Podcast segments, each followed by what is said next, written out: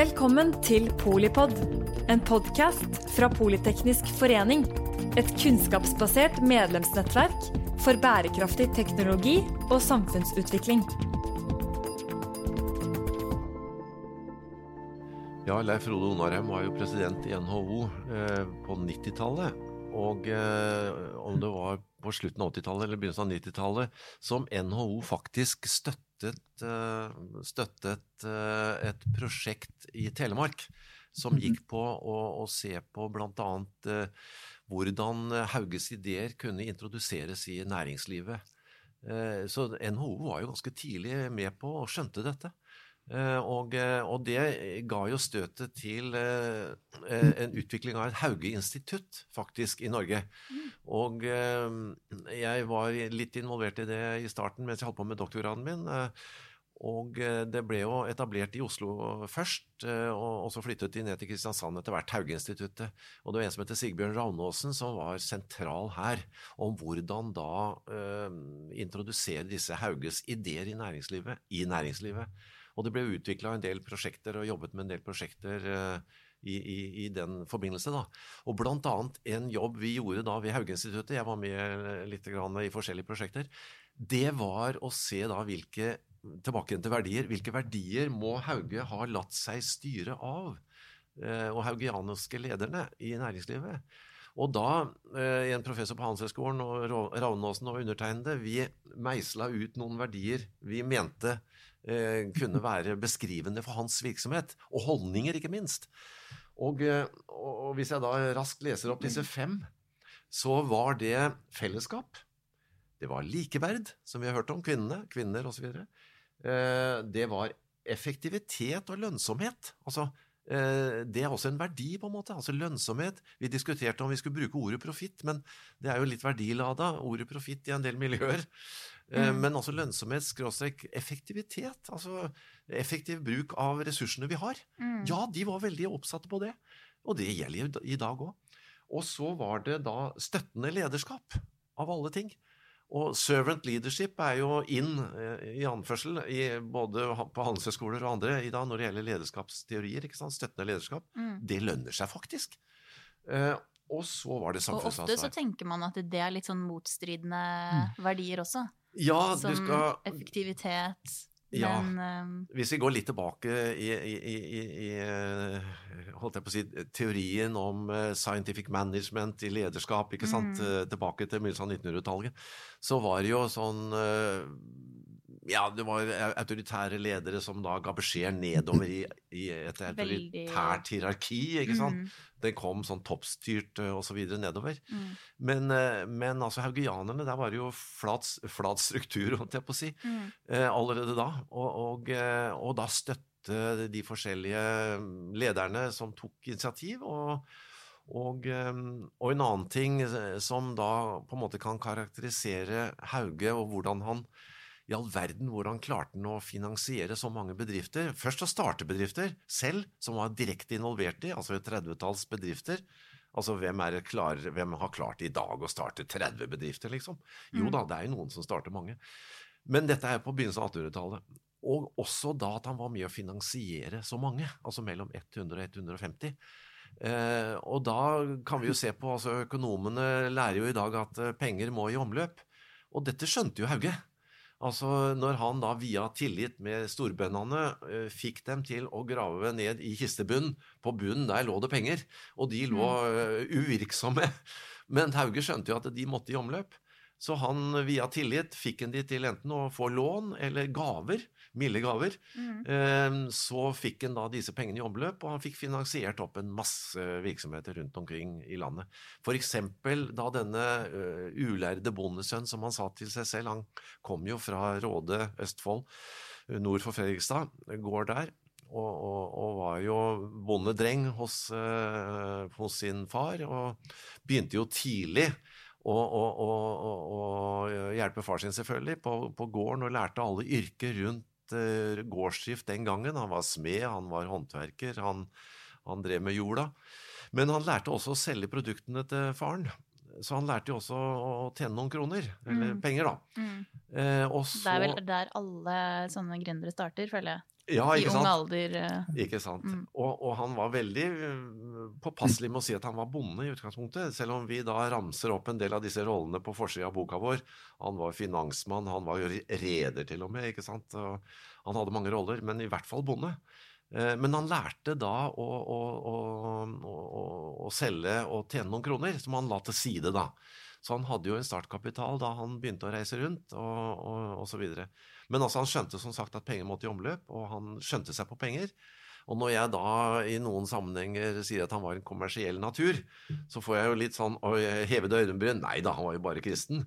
Jo jo, men han var også Han skjønte seg på penger. Mm, Så, og det, og han skjønte å tjene penger. mm. Eh, men i Hvis ikke hadde det jo ikke gått. Hva? Hvis ikke hadde det jo ikke gått. Nei, hvis ikke hadde det ikke gått. Og, eh, men i motsetning til en del andre, så, så pløyde han jo pengene inn igjen i nye virksomheter. Og det er på en måte kapitalismens idé òg. Altså, du skal jo pløye overskuddet inn i nye virksomheter, finansiere nye. Det Mm. gjorde han. Altså, våre handlinger skal lyse, som han sa. Og det, der lyste de jo tydelig. Altså, tallenes tales sier jo nok. Mm. Og det var jo, Vi pleide å si det på fleip, men også alvor, at den nye Hauge-bevegelsen kommer fra næringslivet.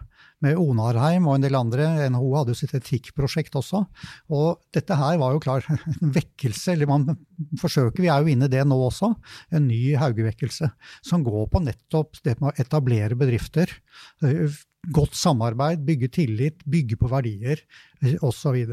Og Det var jo grunnen til at NHO var så ivrig med å få i gang dette hauget. For å spre denne mer verdiene og holdningene som, som Jørn har nevnt, og også disse måtene å gjøre det på. Og det er det vi ser nå. I dag så er det jo veldig mye spørsmål. ikke sant? Mange ser at det er store svakheter i samfunnet. Vi har sett amerikansk amerikanske eller vestlige kapitalistiske system har ikke vært perfekt. Og absolutt ikke det østlige, sosialistiske, kommunistiske. Så må vi finne nye ting.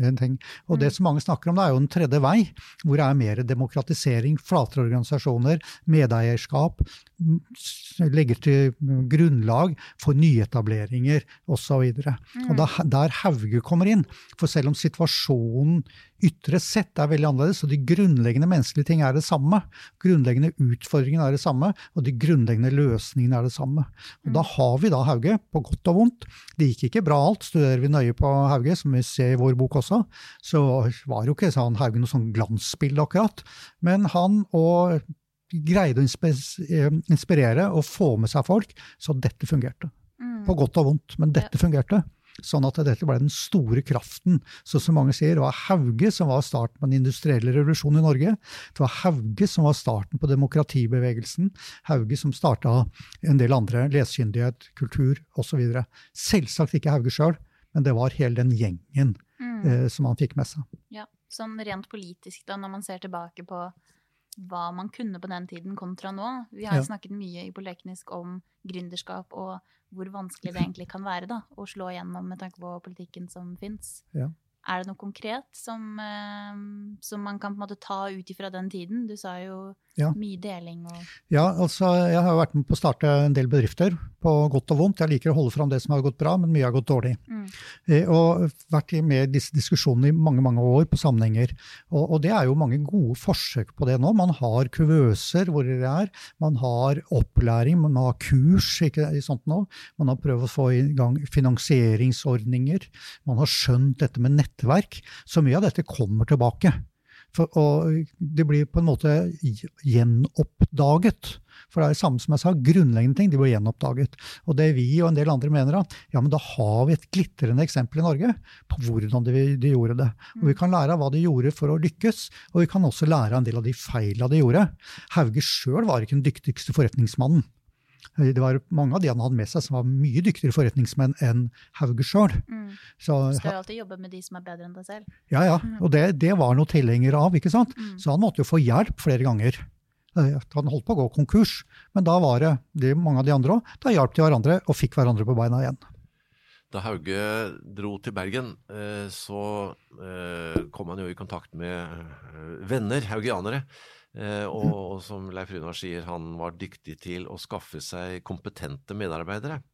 Og annet en handelsmann i Bergen som han fikk som rådgiver ganske med en gang, eh, og som kunne litt om regnskap og sånne ting. Så der var ikke Hauge så god. Han var flink til å virvle opp og sette i gang ting. Men han var jo ikke noen revisortype, eh, for å si det mildt. Så, så, det var jo helt nødvendig at han uh, klarte å få med seg dyktige venner, da, og, mm. og spesielt han, når han da kom til Bergen. Uh, for da var det jo snakk om at han skulle etablere seg her med noe virksomhet. Og så får han da muligheten til å kjøpe et handelshus. Også, men i all verden, hvordan skal han gjøre det, og hvordan skal han drive det? Han var, kunne jo ikke det sjøl. Og så fikk han da som sagt en, en god venn som hjalp ham med det. Og så dukker det opp en gammel enke som sitter på penger. Ikke sant? Så via tillit så får han da en uh, god slump Sponsor. penger, som da var med og sørget for at han fikk kjøpt et handelshus. Og etter, etter hvert da fikk etablert seg som borger i Bergen. ikke sant? Det var jo eget borgerbrev. Mm. Og da, da, løste han jo det med at han kunne reise rundt uten å, uten å bli stoppa. Eh, en handelsmann må jo kunne reise. Men altså, det var jo både eksempel på hvordan han skaffa seg finansiering for å kjøpe det handelshuset, og hvordan han da skaffa seg kompetente medarbeidere til å drive et handelshus. Mm. Men det var helt nødvendig. Men der var han også flink til å rekruttere mennesker, kompetente mennesker. Og det var jo bare i Bergen, men han når han da reiste nordover til eh, Tromsø, og, skulle, og, de snakket om at han, de skulle etablere et handelshus i Tromsø, så kommer han forbi et, eh, et konkurstruet handelshus i Steigen. På Løvøen i Steigen nord for Bodø. Mm. Og eh, på, på, vei forbi omtrent så oppdager han dette handelshuset som var på konkursens rand. Og, og, dette var jo en øy ute i havet, ikke sant? og du skulle tro at oi, dette var jo avsides, eh, kunne vi si i dag. Men det var jo ikke det den gang. Det var jo der ferdselsåra gikk. Så det mm. var jo datidens E6. Knutepunkt. Så ja, knutepunkt. Så han på sparket eh, finner ut at jøss, dette var jo helt ideelt. Så han jo, får jo kjøpt dette, dette handelshuset. Eh, og, og, får da skaffa seg finansiering. Så, men hvem skal drive det? Han skal jo videre. Og så finner han da en Så tenker han at han har en kar nedpå Nå husker jeg ikke akkurat hvor det var, om det var på Toten eller det var i hvert fall nede ved Mjøsa. Så er det en bonde som er dyktig med å håndtere penger osv. Som han mener at han burde jeg få opp her til å drive. Så får han da denne mannen til å selge gården sin og dra oppover og, og være med å kjøpe dette handelshuset. Og, og, og, bygger dette handelshuset opp til en blomstrende virksomhet i mange tiår framover. Mm. Så det er også et eksempel på hvordan han uh, håndterte og starta bedrifter. Mm. Og så drar han videre, ikke sant. Ja. Men jeg mener å ha lest at eh, haugianere ofte ikke var høyt utdannede folk nødvendigvis, men bønder og skikfolk. De eh, høyt kompetente menneskene som han da hentet inn, var de ble de automatisk en del av hans uh, religiøse gruppe? Eller? Ja, ja. Det, det, er klart, det var jo mennesker. Men de, det var riktig at de ikke var utgangspunktkompetente. For det de var flinke til, var jo å få folk og lære de opp, som jeg sa i stad. Mm. Både sende på utdannelse og få de til å gå i lære. Det jobbet de veldig bevisst med. Men så hadde jo han Lose, som var en dyktig forretningsmann, så de fikk med en del sånne folk også. Og en del bønder. Både store og små. Alt fra husmenn opp til storbønder støttet jo Hauge. Det var embetsmennene, handelsborgerskapet og landeiere og sånn som var mot. Så sånn bygget det opp. Eh, men et eksempel var jo det at eh, de trykte bøker. Var, han skrev en bok først, det ble en kjempesuksess. Solgte mange hundre tusen bøker. Jeg måtte til København. Alle trykkeriene i København var opptatt, så tenkte de må lage et trykkeri i Norge. Ok, Så fikk en da om et trykkeri i Kristiansand. Kort historie, de fikk eh, sendt den av gårde. Grøndal av sønn er jo kjent, navnet Grøndal. Mm. Det er altså Grøndal var da sønn av en av haugianerne som ble sendt til trykkerilære i eh, København. At han var med Hauge ned for å trykke bøker ja. der. Og han kom jo tilbake da til Norge og tok over et trykkeri. Og det har jo levd opp til disse dager med det forlaget og det, ja, det der mm. med Grøndal. Ja. Som er navnet, og hele greiene gikk tilbake til Hauge. Så, så, det var jo sånn måte de gjorde på, men de var jo ikke sånn veldig gjennomtenkt. Det var ikke sånn, han, han hadde ikke noe gjennomtenkt lære, kristen lære.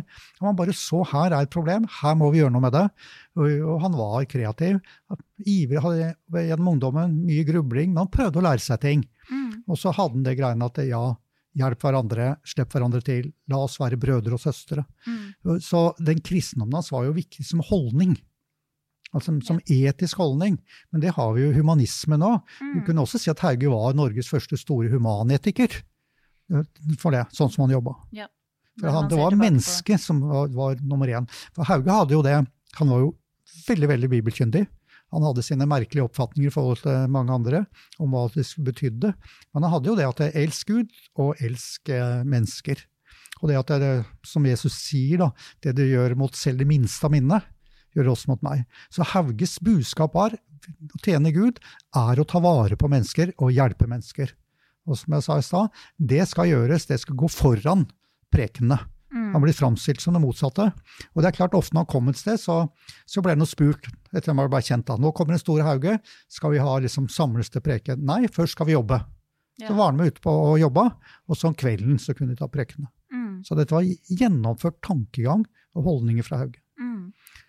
Mm. Grunnverdien hans. Ja, det er, jo, det er jo mye av tenkningen også som vi nå lanserer i dag, som eh, det er verdt å la seg inspirere av.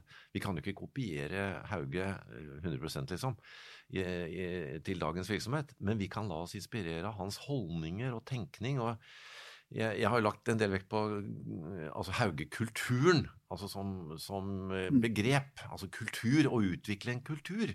Og da snakker vi om holdninger, ikke sant. Mm. Hauge sier jo selv at han var en ulærd bondesønn. Men, øh, og, og han øh, i dag, Vi underviser jo på universitet og høyskoler, og, og det er jo bachelor og det er jo mastergrader.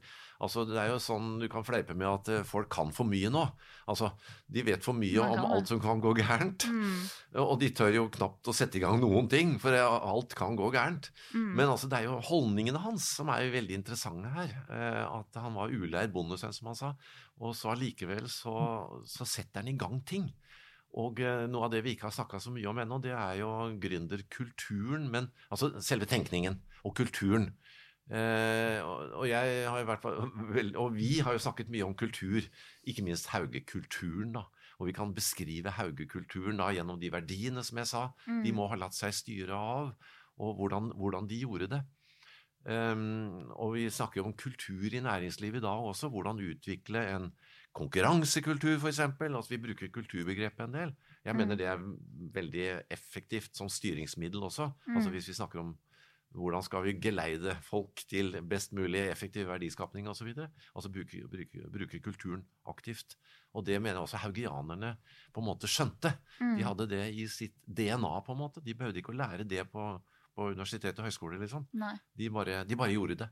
Det var konkurransekultur, og så var det samhold som eh, Det var det. Tillit, eh, sånn at eh, det var effektiv virksomhet, ja. Mm. Det ser vi jo ellers, ikke sant? når man f.eks. i fotball, idrett, militære, hva som helst, eller bedrifter, så har de jo begynt å se på dette her. Det er laget som teller. Vi skal slippe fram lysende enkelteksempler, men de er en del av et lag. Mm. Og det, igjen, det oppdaga haugianeren sjøl. Det var helt klart at noen var veldig mye dyktigere, og de slapp de til. Og de lærte bort til andre, og de jobbet sammen med andre. Så det er en del, som jeg har sagt flere ganger, det er noe naturlig. Altså Mennesket er stort sett det samme i dag som på Hauges tid. Mellommenneskelige forhold er stort sett det samme. Mm. Grunnprinsippene i samfunn, og spesielt i næringslivet, er jo de samme. Men Mm. situasjonen er annerledes. Så jeg antar det hadde du tatt uh, 1000 haugianere og satt inn i dag, så ville de slått seg opp på tilsvarende måte. Ja, Det er interessant. Mm. Og så har vi vært litt inne på um, samfunnsansvar, CSR. Eh, dere nevnte jo at det kanskje er litt annerledes kultur her i Norge enn i f.eks. USA, og at han brukte begrepet lenge før USA tok eh, det ordet, da. Og, og det er jo det at det som Jørn også sa, dette med tilliten er høyere i Norge. Eh, en del andre ting er bedre i Norge. også. Eh, for at Norge skal være det, det som mange er bekymra for, skal Norge bli bare en, en råvareprodusent. Vi er inne i en ny industriell revolusjon nå, Mm. og det er åpent hvordan Norge vil komme. Vil vi få moderne bedrifter her, altså i stor målestokk, eller vil vi ikke? Og da trenger vi altså sånn den haugianekulturen med å skape noe nytt. Eh, Som f.eks. amerikansk, veldig mye av lederskapet i Norge er jo basert på amerikansk lederskap. Mye av det er bra, velforska på osv., men det er jo for det meste basert på kunnskaper om store bedrifter, Mm. som vi ikke har så mye av i Norge. Så det er lite tilpasset norske forhold. Mm. Selv om mye av det selvsagt er verdifullt, så er det det. Så, så, vi har en egen kultur, og det kan bli vår store konkurransefordel eh, framover. Hva er det vi har i Norge? Vi har et høyt utdanningsnivå. Eh, vi har kapital. Vi har mulighet til transport. Ikke sant? Eh, så, så, vi har også alt det kulturelle som, som, sa, som ligger bedre til rette i Norge. Mm. Så Norge har, kan Faren er vi blir en moderne sånn råvareprodusent bare. Mm. Med fiske, olje osv. Eller vi kan bli en moderne industribedrift. Og vi ser jo eksempler på det i Norge òg.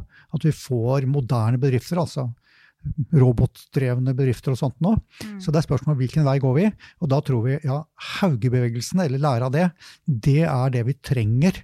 Og det er det vi har godt mulighet for. Det er vårt store konkurransefortrinn. Eh, og da er Hauge er et hjelpemiddel. For istedenfor liksom å ha det som teoretiske kunnskaper, så er det mer overbevisende at vi har noen eksempler. Og det er vi så heldige å ha i Norge. Vi, vi, holder jo en del foredrag, uh, som vi nevnte begge to, i næringslivet og andre steder. Uh, og det er to ting. Det ene er uh, Jeg har brukt overskriften Hans Nilsen Hauge som fyrtårn for norsk næringsliv i dag. Altså, som vi kan la oss inspirere av. ikke sant? Og vi har mm. beskrevet en del av det vi kan la oss inspirere av. Det andre er jo, du nevnte samfunnsansvar osv. Eh, vi har jo begge tatt dette her videre i forskjellige former. Og jeg har bl.a. skrevet en bok eh, sammen med Henrik Syse som heter da eh, Næringslivsetikk og samfunnsansvar. Og der bruker jo vi Hauge som case mye når vi underviser studenter i næringslivsetikk og samfunnsansvar. Mm. og det fungerer jo veldig godt. Eh, for de skjønner jo når vi forteller historien om Hauge. Og da er det jo både å fortelle litt om selve historien, og det er jo det vi har gjort i denne nye boken. Hele historien om Hauge, og alle sidene ved Hauge. Eh, men eh, ikke minst da han som hvordan han viser at han tar samfunnsansvar. Ikke nødvendigvis er så begrepsbevisst. CSR-begrepet fantes neppe på den tiden. Heller ikke ordet samfunnsansvar. Men som han sier at våre handlinger skal lyse. De bare gjorde det. Altså, mm. De hadde det i sitt DNA, nærmest. Mm. Altså, Vi behøver ikke lære det, sitte på en skolebenk og lære om samfunnsansvar. De Nei, bare gjorde det. Og det er jo det jeg mener er kanskje litt norskt også. Ja, øh, kanskje. ja. Mm. Men, øh, men, det er klart vi kan begynne å snakke om det, og vi kan øh, henlede oppmerksomheten på at vi har gode eksempler. Uh, og, det, og, det, har vi jo. Ikke minst da Hauge, som vi kan bruke på flere måter. Og det har vært snakk om finansmann, hvordan tenke der, hvordan entreprenør. Man snakket jo om han var seriegründer, det har vi ikke snakka så veldig mye om ennå. Men, eh, men, han utbedra jo bl.a. plogen. For han reiste rundt, som Leif Runar sier, på gårdene og, og, først skulle hjelpe til på dagen, hjelpe til på jordet. Så så han jo at eh, oi, denne plogen den kunne vært utvikla litt. Eh, mm. Og, så, og så videreutvikler han da plogen. Mm. til en sånn bakkevendeplog som kunne ploge begge veier. Ah. Og det var nytt da, den gangen. Mm. Og den ble satt i serieproduksjon på begynnelsen av 1900-tallet. Seinere. Uh, men, men, det var annet et eksempel. da. Og så mm. var det dette med saltutvinning, som jo han kanskje er mer kjent for. For han fant jo ut måter å, å utvide salt av sjøvann. Ikke sant? Og, det, og dette, kunne, dette lærte han seg jo og mm. startet da saltkokerier nedover eh, sørlandskysten osv. Og, ja. eh, og han ble jo til og med henta ut av fengselet eh, for å hjelpe Norge eh, da det var eh, blokade under napoleonskrigene. Så ble han jo henta ut av fengselet, faktisk, eh, for å Fordi hjelpe Norge for å lage salt. Mm. For salt var jo helt nødvendig i, i, i, det å oppbevare mat. ikke sant? Fisk, mm. kjøtt. Så måtte de salte ned. Så det var jo veldig viktig. Salt var jo veldig viktig. Mm. Og selv om vi, vi, ikke vi er ikke si, prediker av Hauge som altså kristen predikant, men han hadde jo en grunnholdning som lå bak oss, som vi har sagt mange ganger. det var å, selv om For han var jo kristendommen og Bibelen og alt det greiene der, men det var det å hjelpe mennesker. Og det er jo noe som ligger i de aller fleste, eller kanskje alle religioner, og som jeg sa også i humanetikken ta vare på mennesker. Mm. Og det er jo det et samfunn egentlig er. Vi slår oss sammen først, altså mennesker utvikler seg i små grupper, familiegrupper, klaner osv. Og, mm. og samfunn. Kommune betyr jo fellesskap. Og det er klart I Norge så er vi også bedre der. Vi har det kjente trepartssamarbeidet. Godt samarbeid mellom arbeiderbevegelsen og, og eierne og staten. Så, så, det er også et sånt fellesskap og tillit, hvor vi har lagd mekanismer bl.a. med Riksmeglingsmannen og en del sånne, hvor samfunnet vårt har en rekke sånne mekanismer som er basert på at ja, vi tross alt så er vi et fellesskap, selv om vi også er motstandere. Og vi skal ha noen grunnleggende spilleregler og verdier i bånn. Og det er igjen, man har, eh, om dette går tilbake til Hauge eller ikke, men det er en del av norsk kultur eh, som også haugianerne sto for. Han hadde jo noen sånne fine sitater som vi jo noen ganger bruker, og det, og det en sa jeg med den der med 'våre handlinger skal lyse'. Men, eh, men hvis vi snakker om om eh, holdning til både ledere og medarbeidere, så hadde han jo bl.a. en uttalelse om eh, Altså, han krevde jo mye av sine medarbeidere. Han var jo ikke noe snillist. Han var jo ikke mm. noe akkurat som ja, Han gikk ikke de, bare rundt og var glad hele tida? Nei, nei og, og, bare var god og snill, liksom. Mm. Han krevde jo mye av sine medarbeidere. Ja. For han sier bl.a. et sted at eh, styres virksomheten dårlig, og medarbeiderne ikke er flittige å tro, så kan samtlige bli skadelidende. Så han krevde jo mye av både ledere og, og medarbeidere. Mm. Det var ikke snakk om uh, det. Og så, hvis vi snakker om uh, en visjon, da, så snakket han jo bl.a. om at mitt kallsbrev er å tjene Gud. Ja da. Og min neste. Og nesten er jo menneskene. Mm. ikke sant? Guds barn. Så, og det var jo mye av det fokuset han hadde på Guds barn, kan vi si, da, i denne sammenheng, hvis vi tenker mm. sånn ut fra kristelige formuleringer. Medmenneskelighet og Ja, med, og da er det medmenneskelighet, altså min neste. Eh, og, og, så snakket han jo om eh, noen steder at jeg, jeg skal ikke Han var ikke opptatt av å, å, å gå inn i, i, i, kirken og bare være der og, og be. Han var opptatt av å, å bygge fabrikker og gi folk arbeid. Altså gå ut og bygge fabrikker og gi folk arbeid. Eh, ikke bare sitte inne og, og, og be inn i kirkerommet. Mm. Men, eh, og det var jo noe altså sånn arbeid med, med medmenneskelighet overfor nesten, da. Ja. Nesten med æ. ja. Og, og det var jo, som jeg har vært inne på før også, at uh, Hauge kom rundt omkring. og det både når han kom til et sted, men også forskjellige av de miljøene utviklet seg på forskjellige måter. Og ofte så framstilles det at dette gikk så glatt. Haug var så prektig og bevegelsen gikk så glatt, men det var store indre motsetninger. Og da det, kunne det være at folk syntes at det, som, det, er for lite åndelig å jobbe så mye. Så han stramma stadig opp. De som skrev ut på den måten, sier at nei, det er å jobbe. Flittighet, stå på og jobb. Og som han også hadde når folk kom, for han advarte mot det. Når, når, vi er kjent for å være å støtte og snille, så kommer det folk til oss som kanskje enda har bedre råd enn det vi har sjøl, og prøver å utnytte oss. Det skal vi være oppmerksom på. Ja. Og da sa han at, eh, Så han var realist. Han sa det at når de kommer, ja, hvis det er noen sultne kommer, så får de mat. Og det gjorde de. Men vanligvis så krever havn og arbeid til det, så skal de få jobbe for det. Mm. Eh, og så, så, så, ble jo en del av de haugianerne ganske rike, da, eller veldig rike etter hvert. Og da var det jo motsetninger innad. Det var en Hauge som var en av de dyktige forretningsmennene i Haugebevegelsen, som Hauge kritiserte for altfor sytete og ja. altfor sparsommelig. Ja. Og så var det. Ja. Og så var det en del av disse damene som da var, brukte Paris-mote. Ja. Og de syns jo da, Hauge syns at de har brukt altfor mye penger på å være opptatt av det. Mm. Og de til gjengjeld kritiserte Hauge, eh, for han hadde ett sett klær og gikk i det. Mm. Så man hadde disse vanlige motsetningene også, mm. som ja, det var der hele tiden. De hadde ikke noe avklart. Det er ikke sånn som nå mer samkjørte sånne menigheter, alle går med hengende hue og sånt nå. Ja. Det var hele tida motsetninger inni haugianbevegelsene. Mm. Og det var jo en av deres styrker.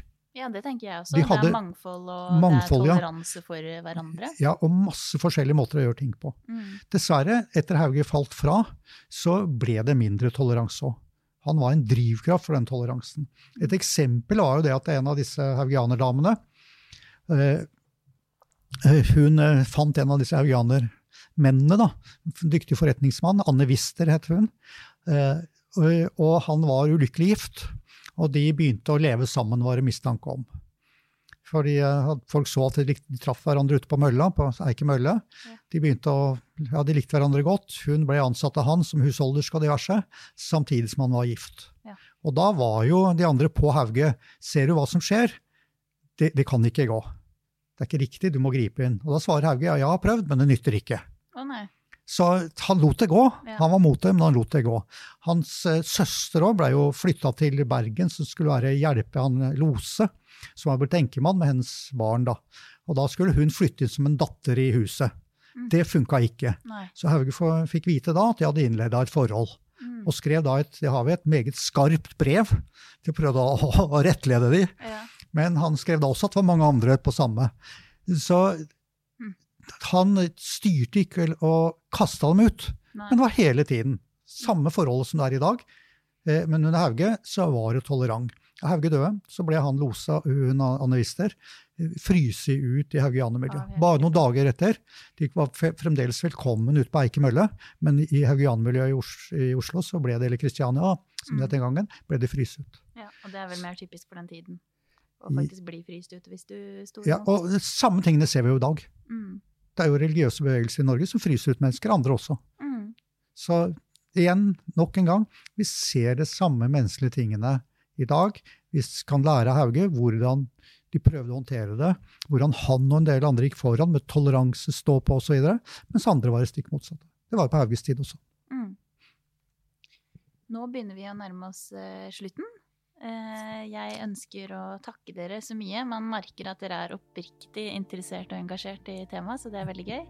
Tusen takk igjen, Jørn Bru Olsen og Leif Runar Forst. Mitt navn er Elise Antonissen, og jeg er programsjef i Politeknisk forening. Takk for at du lyttet til Polipod fra Politeknisk forening. Få med deg flere episoder, eller bli med på nettverksmøtene som du finner på at polyteknisk.